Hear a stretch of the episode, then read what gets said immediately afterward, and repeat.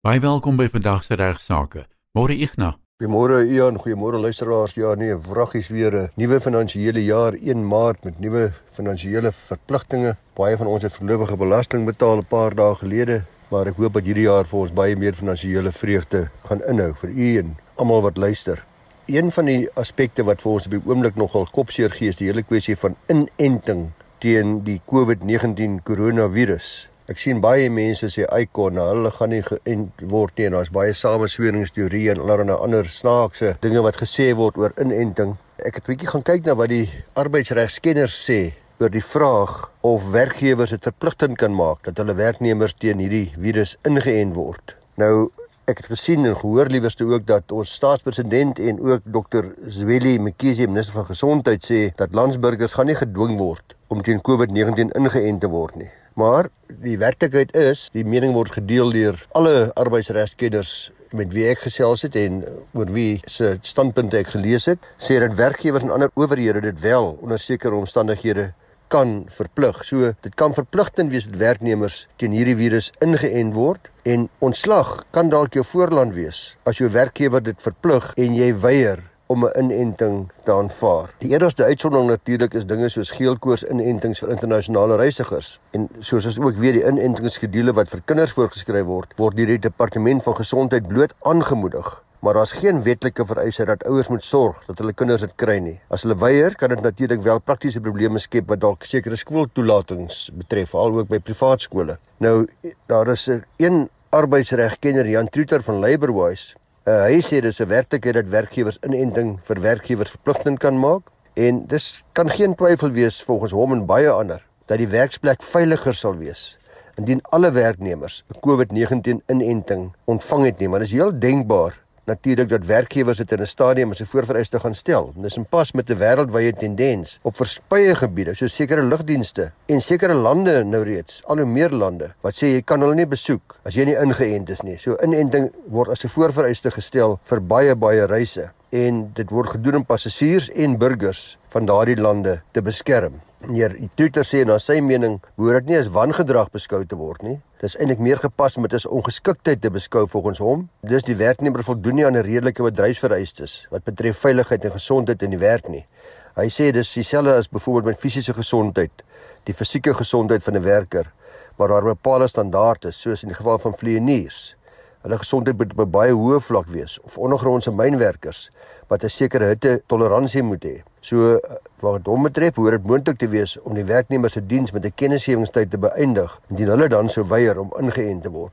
Hy sê ook dat die werkgewers moet beweging skenk aan alternatiewe, soos dat die werknemer byvoorbeeld van die huis af mag werk. Maar Hugo Pinaar wat al op hierdie program vir ons gehelp het met arbeidsreg gevalle, 'n spesialis op hierdie gebied daar by Klif Dekker Hofmeyer, hy het 'n ander mening Uh, hy sê dat uh, daar's 'n president geskep deur die kommissie vir versoening, bemiddeling en arbitrasie, die KVBA, om mense se reg om van die huis af te werk te weier. Want die KVBA het onlangs bevind dat werknemers nie 'n reg het om van die huis af te werk indien die werkgewer van hulle vereis dat hulle eintlik op kantoor moet wees nie. 'n Werkgewer kan dus, sê hy, sy werk mag op kantoor wil hê en kan dus wel vereis dat werknemers terugkeer kantoor toe en dan ook dat hulle ingeënt moet word om seker te maak dat dit vir almal by die werksplek veilig is. So baie belangrik, daar's 'n hele klomp Klifdekker Hofmeyer het 10 vereistes gestel, 10 beginsels wat elke werkgewer moet oorweeg voordat hulle op so verpligte inentingsbeleid besluit. Dis 'n hele klompie dinge wat maar tot 'n groot mate van elke bedryf gaan verskil, maar dis ook belangrik dat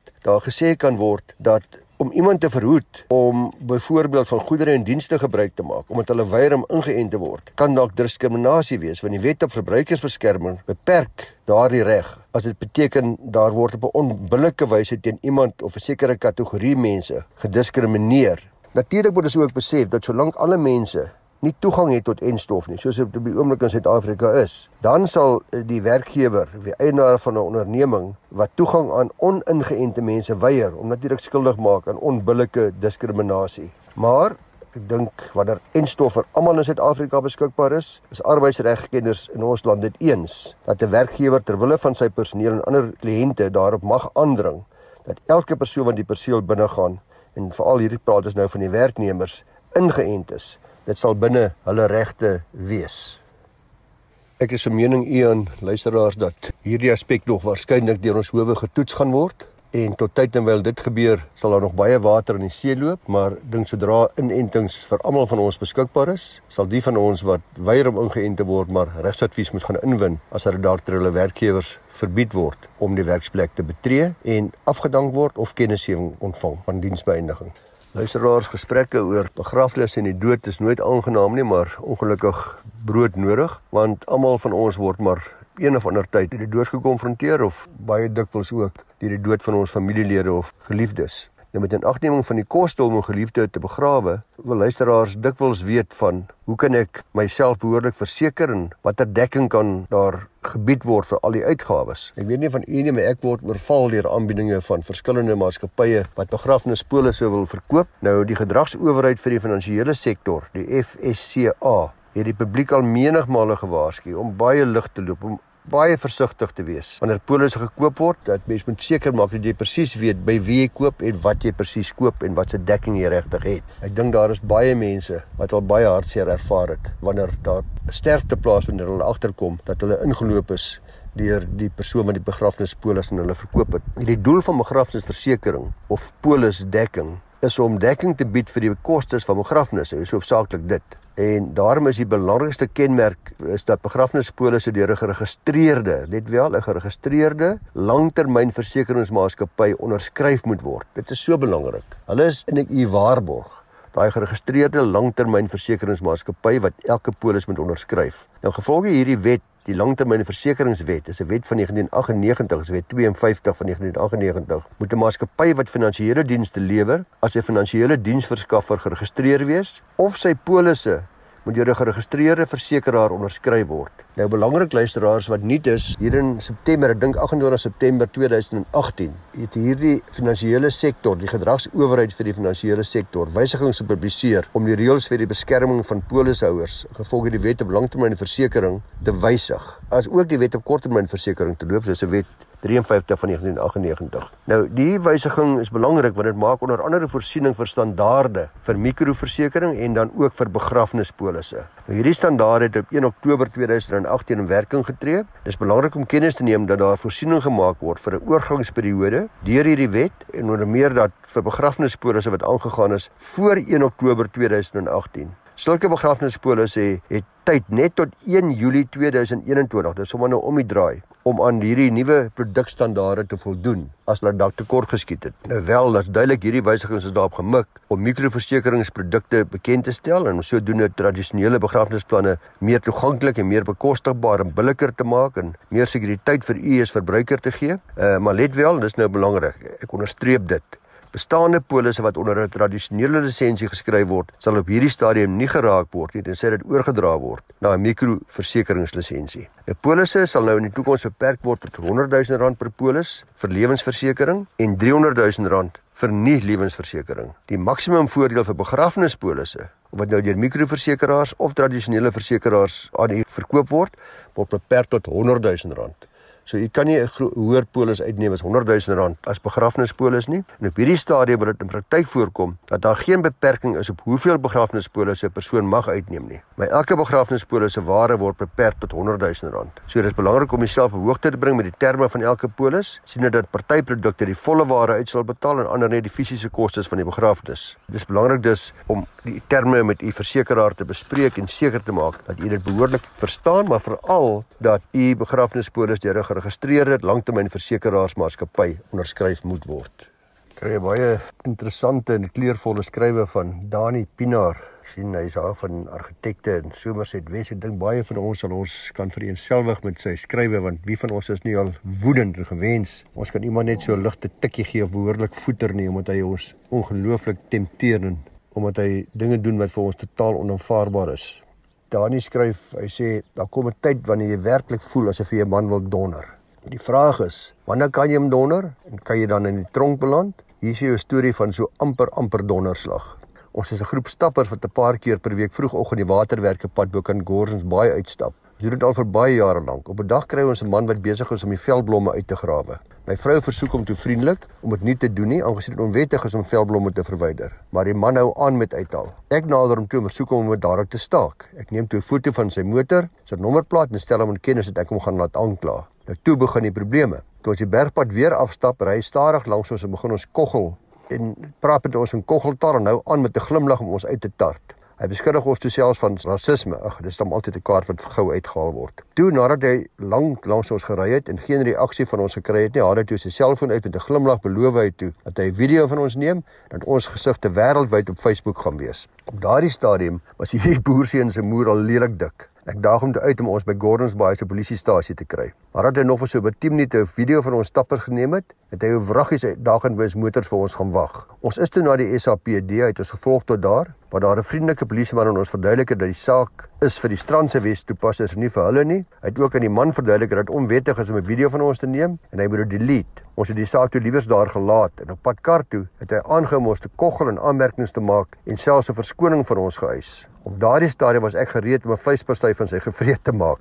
Toe hy wegtrek het hy geskree dat die video klaar op Facebook geplaas is. Nou, my vraag. Ek wou op een stadium sy foon uit sy hand gryp, dit saam met sy motorsleutels oor die kraans gooi en hom so donder dat sy ma hom nooit weer sou herken nie.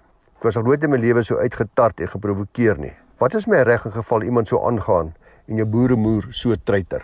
Maar daar nie soos ek gesê het in my volwasse lewe het ek uh, nog nooit die moed, die durf of die dapperheid gehad om iemand met die vuiste te takel nie. Ons het nou uit woede en frustrasie nie, maar ek het al baie maal gewens ek was sterk genoeg of dapper genoeg om iemand wat dit nodig het eintlik soba daarvoor 'n les te leer. Maar heeltyd aan my agterkop weet ek en ek kan sien in jou brief ook, jy weet, dis verkeerd. Natuurlik leer die Bybel ons draai die ander wang, loop weg, maar is nie so maklik nie. Ons weet almal dat uh, niemand reg in eie hande mag neem nie en die antwoord is dis eenvoudig op jou vraag. Nee, jy mag nie sy foon gryp, jy mag nie sy stelsels vat en weggooi nie. Aanranding, saakbeskadiging ensovoorts kan volg en dan ook natuurlik siviele aksies vir skadevergoeding. Natuurlik mag jy niemand aanrand nie. Indien daar wel provokasie is, en jy iemand aanrand sou dit wel 'n strafversagting wees, maar nie 'n skulduitsluitingsgrond nie. Oplossing is maar presies wat jy gedoen het. As iemand 'n misdaad pleeg, dan gaan jy na die Suid-Afrikaanse polisie toe en jy gaan lê klagte. Die vraag is of tart uitlokking ensovoorts of dit uh, laster kan wees of kriminele juria in sekere omstandighede beslis, afhangende van die woorde wat gebruik was. Weereens kriminele klagtes of ook 'n siviele eis teen die persoon. Maar uh, daar is een ander uitweg en dis altyd natuurlik by verre weg die beste uitweg en die enigste uitweg. Dit is neem 'n foto's gaan lê klagtes vir my konflik. Maak jy hom nie hoor nie, ignoreer hom. Dit is waarskynlik 'n baie moeilike ding, maar dit is sodat niemand van ons mag reg in eie hande neem nie. Ons moet die wetstoepassers daarvoor gebruik en dan ook die strafproses of die siviele proses reg. Ek ontvang 'n skrywe wat sê ek woon in 'n aftreeoord en het aangebied om van tyd tot tyd van die ander bejaardes na dokter, tandarts of winkel toe te neem. Ons oord bied nie so fasiliteit nie. My baie bejaardes weet nou al hiervan en vra my dis gereeld. Nou sê sy ek het nie 'n probleem daarmee nie, wil graag help, maar wil ook graag weet wat sal die gevolge wees indien ek in 'n ongeluk betrokke is en die ander persoon beseer is of erger nog in daardie botsing sterf. Wat as die persoon sodanig beseer is en 'n rolstoel opeindig? Kan ek aanspreeklik gehou word en eise teen my ingestel word? Is dit gevaarlik want ek dit liewers nie doen nie? Indien ek dalk in 'n botsing sou sterf, kan eise teen my boedel ingestel word. Dan wil sy ook weet, ek weet my versekerings sal nie sodanige eise dek nie. En dan vra sy, kan daar 'n eis teen die padongelukke fonds ingedien word of is daar enige ander versekerings wat hierdie eise sou dek? Ek het al hierdie vrae gestuur vir Martin Besaid nou daar by van Velden Duffy is 'n spesialis op die gebied van padongelukke fonds eise en hy antwoord as volg: Baie dankie daarvoor Martin. Die eerste vraag is Wat sal gebeur as ek in 'n ongeluk betrokke is en die ander persoon is beseer of erger nog sterf? Hy sê in terme van artikel 21 van die padongelukke fonds mag geen eis of aksie vir beserings of dood voorspruitend uit 'n nalatige bestuur van 'n voertuig teen die bestuurder of die bestuurder se werkgewer of eienaar van die voertuig ingestel word nie, maar al sulke eise mag slegs ingestel word teen die padongelukke fonds. So, daar gaan nie teen u eise ingestel mag word nie slegs teen die pad ongelukke fonds almal wat deur u vervoer word. Wat as die persoon beseer is en in 'n rolstoel eindig? Martin sê weer eens dan met die pad ongelukke fonds moet hierdie eis hanteer. Natuurlik, dit is altyd afhanklik van of die vyf elemente van 'n delektuele aksie bewys kan word deur die beseerde en die belangrikste hiervan is maar nalatigheid. Maar nou word dat u nalatig opgetree het. Kan ek aanspreeklik gehou word en eise teen my ingestel word? Nee, sê Martin, behalwe dat die padongelukke fonds in gevolg artikel 25 subartikel 2 van die wet 'n verhaalsreg mag hê indien die voertuig deur u bestuur is terwyl hy nie 'n lisensie gehad het nie of onder die invloed van drank en dwelm was of u die alleen oorsaak van die ongeluk was, dan is daar 'n verhaalsreg weer wat hulle kan instel teen die bestuurder. Dit word bitter selde gedoen, maar dit is 'n moontlikheid. Maar dit eh, soos ek sê vooronderstel dat u roekeloos was of erg nalatig was en dat u die ongeluk op 'n wyse veroorsaak het wat veroorsaak is deurdat u bestuur het onder die invloed van drank of dwelms of dat u nie lisensie gehad het nie. Dan vra sy indien ek in die botsing sou sterf, kan 'n eis teen my boedel ingestel word? Nee, weer eens nie. Selfe antwoorde as wat ek reeds gegee het is van toepassing en sy sê dat sy dink versekerings sal nie dek nie. Weereens, dit is korrek, behalwe indien die fonds nie die eise kan betaal nie. Met ander woorde, ons hoor gereeld hoe die fonds feitelik bankrot is en sprake is dat daar aansoeke gaan wees deur prokureurs om hulle te likwideer. Nou indien dit gebeur, dis in gevolg artikel 21 subartikel 2 subartikel A van hierdie wet, dan natuurlik kan dit so wees dat versekerings mens wel daarvoor kan dek, want die fonds is dan nie meer daar nie kan 'n eis teen die padongelukke fonds ingedien word? Ja, natuurlik, passasiers moet eis teen die fonds, maar die bestuurder sal slegs kan eis indien die ongeluk veroorsaak is deur 'n nalatige bestuur van 'n ander bestuurder. Indien dit egter 'n enkel voertuigongeluk sou wees, dan sal die bestuurder van die motor self nie kan eis nie, tensy die ongeluk te wyte was aan die nalatigheid van die eienaar van die voertuig by versuim om die remme van die voertuig byvoorbeeld behoorlik te onderhou en dit die alleen oorsaak van die ongeluk sou wees. Is daar enige ander versekerings wat sodanige eise sou dek? Nee sê Martin, behalwe dat indien die motorongeluk in die loop van die diens van die bestuurder of die eienaar sou plaasvind, daar ook behalwe eis teen die fonds ook 'n eis sal wees teen die vergoedingskommissaris gevolge die wet op vergoeding vir beroepsbeserings en siektes. So Martin, baie dankie hiervoor. Uh, en dit is baie duidelik dat ons luisteraar maar kan ontspan dat sy nie aanspreeklik gaan wees nie en dat die fonds die eise van alle passasiers in haar voertuig sal dek. Kom ons hoop maar net die fonds bly solvent en dat die, die stelsel sal bly voortbestaan vir baie lank en dit lyk vir my die regering sal maar weer 'n reddingsboei daar moet uitgooi. So eenmal in 'n jaar of wat kyk ek 'n bietjie na wat is die kapitaalwins implikasies as ek my vaste eiendom verkoop, veral my woonhuis verkoop. Nou ek kry baie gereeld navrae daaroor. Hierdie keer kom die navraag van Sandra. Sy sê sy is 'n eiendomsagent van Mpumalanga Sy sê sy het daar eksamen deurgekom, maar sukkel nog steeds. En sy vra of ek nie asseblief so eenvoudig as moontlik sal verduidelik vir haar en ander luisteraars wat is dan natuurlik die kapitaalwins implikasies by verkooping nie. Sy sê sy kry dit nie reg nie, die mense praat te ingewikkeld.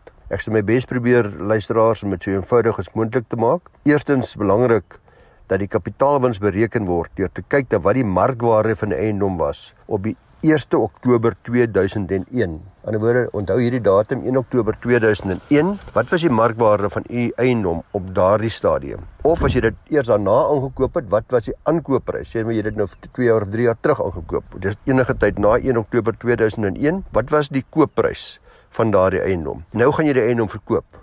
Nou neem jy daai verkoopsprys wat jy nou gaan kry vir die eiendom en jy trek dit af van die bedrag waarvoor jy dit gekoop het of die bedrag wat die eiendom werd was op 1 Oktober 2001. Sê nou maar byvoorbeeld die eiendom was 1 miljoen rand werd op 1 Oktober 2001 of jy dit daai 1 Oktober gekoop vir 'n miljoen rand.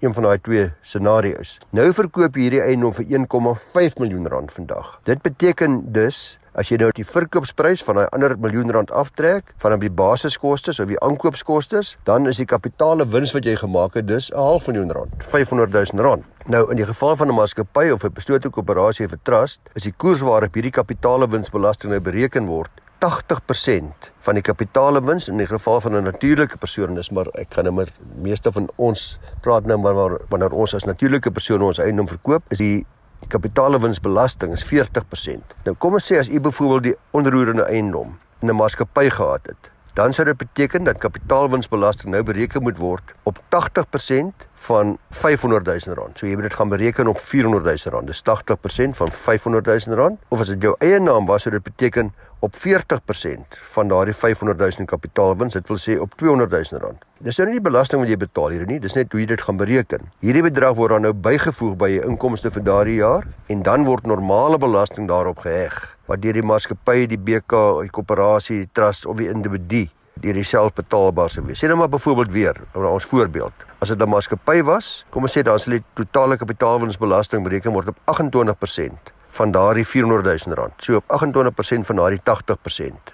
Of in die geval van die in, in die eie naam, dan sal dit op die normale belastingkoers bereken word op die bedrag van 200 000 rand. Sê dan maar byvoorbeeld weer, u betaal slegs 10% belasting. Dan sal dit wees 10% van daardie 200 000 rand. En dis maar gelyk aan R20000. So as u R500000 wins gemaak het en u se belastingkoers van 10%, dan gaan dit beteken u gaan kapitaalwinsbelasting verloor van R20000. As u superbelasting betaal, as u nou ryk is en u betaal belasting van 45%, dan sal u belasting dus 45% van daardie R200000 wees oftewel 90000. Nou by 'n trust is dit bietjie anderste want daar is die belastingkoers altyd 45%. Nou as jy mooi gaan uitwerk is die effektiewe koers van 'n maatskappy dis 22,4%. Dis nou as mens mooi gaan uitwerk wat die wat wat hierdie syfertjies op neerkom en vir trust is dit 36% terwyl die maksimum koers vir u as natuurlike persoon is maksimum 18%. Dis nou vir mense wat superbelasting betaal. Nou luisteraars, dit klink dalk nou weer te ingewikkeld, maar as jy mooi na hierdie syfertjies maar luister, is dit eintlik nie so moeilik nie. As jy huis wat u verkoop, dis baie belangrik. U primêre woning is, die wys waarin u woon. Dan is dit belangrik om te onthou dat tans 2 miljoen rand kwytgeskeld is van kapitaalwinsbelasting. Let wel, hierdie kwytskelling geld egter ongelukkig nie as die huis geregistreer is in die naam van 'n familietrust of maatskappy of 'n BK nie. Dis net as dit in die eie naam geregistreer is, dan is daar 'n korting, dan betaal jy die eerste 2 miljoen rand glad nie eh, kapitaalwinsbelasting nie. So belangrik om dit maar ook te onthou. Sodra 'n belastingbetaler kapitale bate aanwend om 'n besigheid te bedryf, vir vorm van handel daarmee wil dryf, dan sal die opbrengs van daardie verkoping van daardie eiendom beskou word as 'n inkomste en sal u natuurlik daarop inkomstebelasting betaal en nie kapitaalwinsbelasting nie. As u nou byvoorbeeld sou besluit om 'n eiendom te verdeel voordat u dit verkoop en om dan die deel waar die huis is apart te verkoop en die KLR wat jy afgesny het ook afsonderlik te verkoop of dit omskep in 'n deeltitel eenhede en dan so verkoop, dan moet jy eers maar behoorlik advies gaan kry by u prokureur om te verseker dat jy nie inkomstebelasting daarop gaan betaal as sy 'n deel van 'n geldmaak skema nie. Transport besorgingswêreld praat ons van crossing the Rubicon. Want die hofsaak hieroor maak dit baie duidelik dat die onderverdeling van 'n eiendom of die registrasie van 'n deeltitelskema op die eiendom kan kwalifiseer as 'n verkoping van 'n kapitaalebate en kan daar dan kapitaalwinsbelasting betaalbaar wees, natuurlik laer is as inkomstebelasting. Maar belangrik om hieroor te gaan goeie advies kry want sodra die belastingbetaler egter sekere verdere aksies neem wat daarop dui dat hy nou eintlik die besigheid daar bedryf, soos byvoorbeeld die bemarking van die eiendom, die aanstelling van personeel en al daai tipe van dinge, dan kan die ontvanger van inkomste argumenteer dat die bedoeling nou verander het. Dat jy nou nie meer die kapitaalebate verkoop nie, maar dat jy besig is met 'n besigheid en dan gaan die inkomstebelasting op die opbrengs betaal en nie kapitaalwinsbelasting nie. Wees dus baie versigtig en kry maar altyd behoorlike advies. Soos julle almal weet, word hierdie program aangebied deur die Prokureursorde van Suid-Afrika met hulle vriendelike samewerking en doen hulle dit om die reg meer toeganklik te maak. En ons het ook 'n tydskrif wat uitgegee word deur die Law Society of South Africa of die Prokureursorde van Suid-Afrika en daai tydskrif word genoem Die Rebus of Die Rebus. En ek gaan vandag 'n artikel bespreek wat in hierdie Die Rebus gepubliseer was op 1 Desember 2020 en dit handel oor 'n onderwerp wat ek dink baie Suid-Afrikaners al baie sterk oorweeg het, naamlik emigrasie om die land te verlaat. Dis maar die menslike aard om altyd te glo die gras is altyd groener aan die ander kant en miskien is dit, wie weet. Baie mense kom terug en baie mense sê hulle is baie gelukkig nadat hulle Suid-Afrika verlaat het. Maar voordat mense op die Airbus klim en jou aardse besittings verskeep na 'n ander land is daar 'n paar belangrike regulasies in die Suid-Afrikaanse Burgerskapwet 88 van 1995 en ook die Suid-Afrikaanse Burgerskap Wysigingswet, dis Wet 17 van 2010, waarvan almal wat immigrasie oorweeg baie deeglik bewus van moet wees. Artikel 26 hoofletter B bepaal dat 'n Suid-Afrikaanse burger in en uit die republiek moet reis met sy of haar Suid-Afrikaanse paspoort, want ons is Suid-Afrikaanse burgers. Maar belangrik hierdie artikel sê dit maak nie saak of jy dubbele burgerskap het nie. As jy burgerskap in 'n ander land ook het, maak dit nie saak nie, jy moet steeds jou Suid-Afrikaanse paspoort hê. Uh hierdie bepaling is nie van toepassing op minderjariges nie. Jy kan egter enige paspoort gebruik indien jy enige ander land binnegaan. Nou wat is die probleem daarmee? Kan jy seker nou tereg vra. Uh, laat ek dit verduidelik. Artikel 6 se artikel 1 en 'n klein se artikel A van hierdie selfde wet bepaal wanneer 'n Suid-Afrikaner burgerskap bekom in 'n ander land deur 'n vrywillige en 'n formele handeling. Aan die woorde ek begreep Australië toe of Brittanje toe en ek doen dit vrywillig en ek kry daar kry ek daar burgerskap. Dan en dis nou belangrik, dan staak jou Suid-Afrikaanse burgerskap outomaties. Let wel, dan het jy nie meer dubbele burgerskap nie, dan is jy net 'n burger van daardie ander land en nie meer 'n Suid-Afrikaanse burger nie. Dit staak outomaties. Die probleem met hierdie bepaling van die wet is dat burgers baie dikwels eers daarvan bewus word dat hulle nie meer Suid-Afrikaanse burgers is nie ten tye van hulle aansoek om 'n hernuwing van hulle Suid-Afrikaanse paspoort. Dan dan sit 'n groot skok. Dit wel hulle kom nou nou by die oplossing hiervoor. Daar is 'n manier om dit te oorkom. Dis word bepaal in artikel 6 se artikel 2 waarmee ek nou nou sal handel. Maar dis nou standaard praktyk dat alle Suid-Afrikaanse ambassades voorsiening maak dat 'n burger aansoek kan doen om vas te stel of hulle nog burgers is wanneer hulle aansoek doen vir die hernuwing van hulle paspoort. Nou hoe sal jy dan weet as jy, as jy nie meer burger is nie om seker te maak as jy is ek 'n dubbele burger, is ek nog 'n Suid-Afrikaanse burger of nie? Die ambassade sal aan jou 'n brief gee met die presiese datum wat jy jou burgerskap verloor het. Dit sal gewoonlik die datum wees waarop die burgerskap van 'n ander land verkry is. Indien jy gebore is in Suid-Afrika, dan sal jy altyd beskou word as 'n permanente inwoner van Suid-Afrika permanente inwoner. Dit wil sê nie meer burgerskap nie, ons praat net van permanente inwoners en dan moet jy jou ID-dokument en 'n Suid-Afrikaanse paspoort inhandig. Daarna moet jy dan weer aansoek doen vir 'n nuwe ID wat sal aandui dat jy 'n permanente verblyfreghouer is. As jy dan weer na Suid-Afrika reis, moet hierdie brief van die ambassade getoon word en dan sal jy kan reis met jou ander paspoort, jou tweede paspoort. Watter regte het jy as permanente inwoner? Net wel nie 'n burger nie. Jy het al dieselfde regte wat 'n burger van Suid-Afrika het, maar nie die regte wat slegs gereserveer is vir burgers in ons grondwet nie. En een van daardie regte is byvoorbeeld dat slegs Suid-Afrikaanse burgers Suid-Afrikaanse paspoorte mag verkry en jy kan ook nie stem nie. En indien hierdie ou burger dan nou nie in die land gebore is nie, kan hulle net die land binnekom as 'n besoeker. En wat gebeur as die grasdoor aan die ander kant nie groener was nie en jy wil terugkom in Suid-Afrika toe? Dan moet jy in terme van artikel 13 subartikel 3 klein a van die wet aansoek doen vir die hervatting van jou burgerskap. Maar jy moet kan bewys dat jy vir ten minste al 1 jaar in Suid-Afrika gebly het. Klink maklik genoeg, maar jy moet onthou om jou visa op datum te hou indien jou aansoek nie suksesvol is nie. Nou, belangrik ek wil sê is 'n oplossing vir mense wat immigreer om daarmee die dubbele burgerskap probleem te oorkom kom dit word aangedui in artikel 6 subartikel 2 van hierdie selfde wet want in terme van daardie artikel kan jy wel aansoek doen voor jy geregistreer word as 'n inwoner van 'n ander land om jou Suid-Afrikaanse burgerskap te behou. Dis egter baie belangrik luisteraars om te onthou dat hierdie toestemming skriftelik verleen moet word voor jy registreer om 'n burger van 'n tweede land te word. Dis al vir vandag. Sluit asseblief volgende maandag 11:30 weer by ons aan vir regsaake.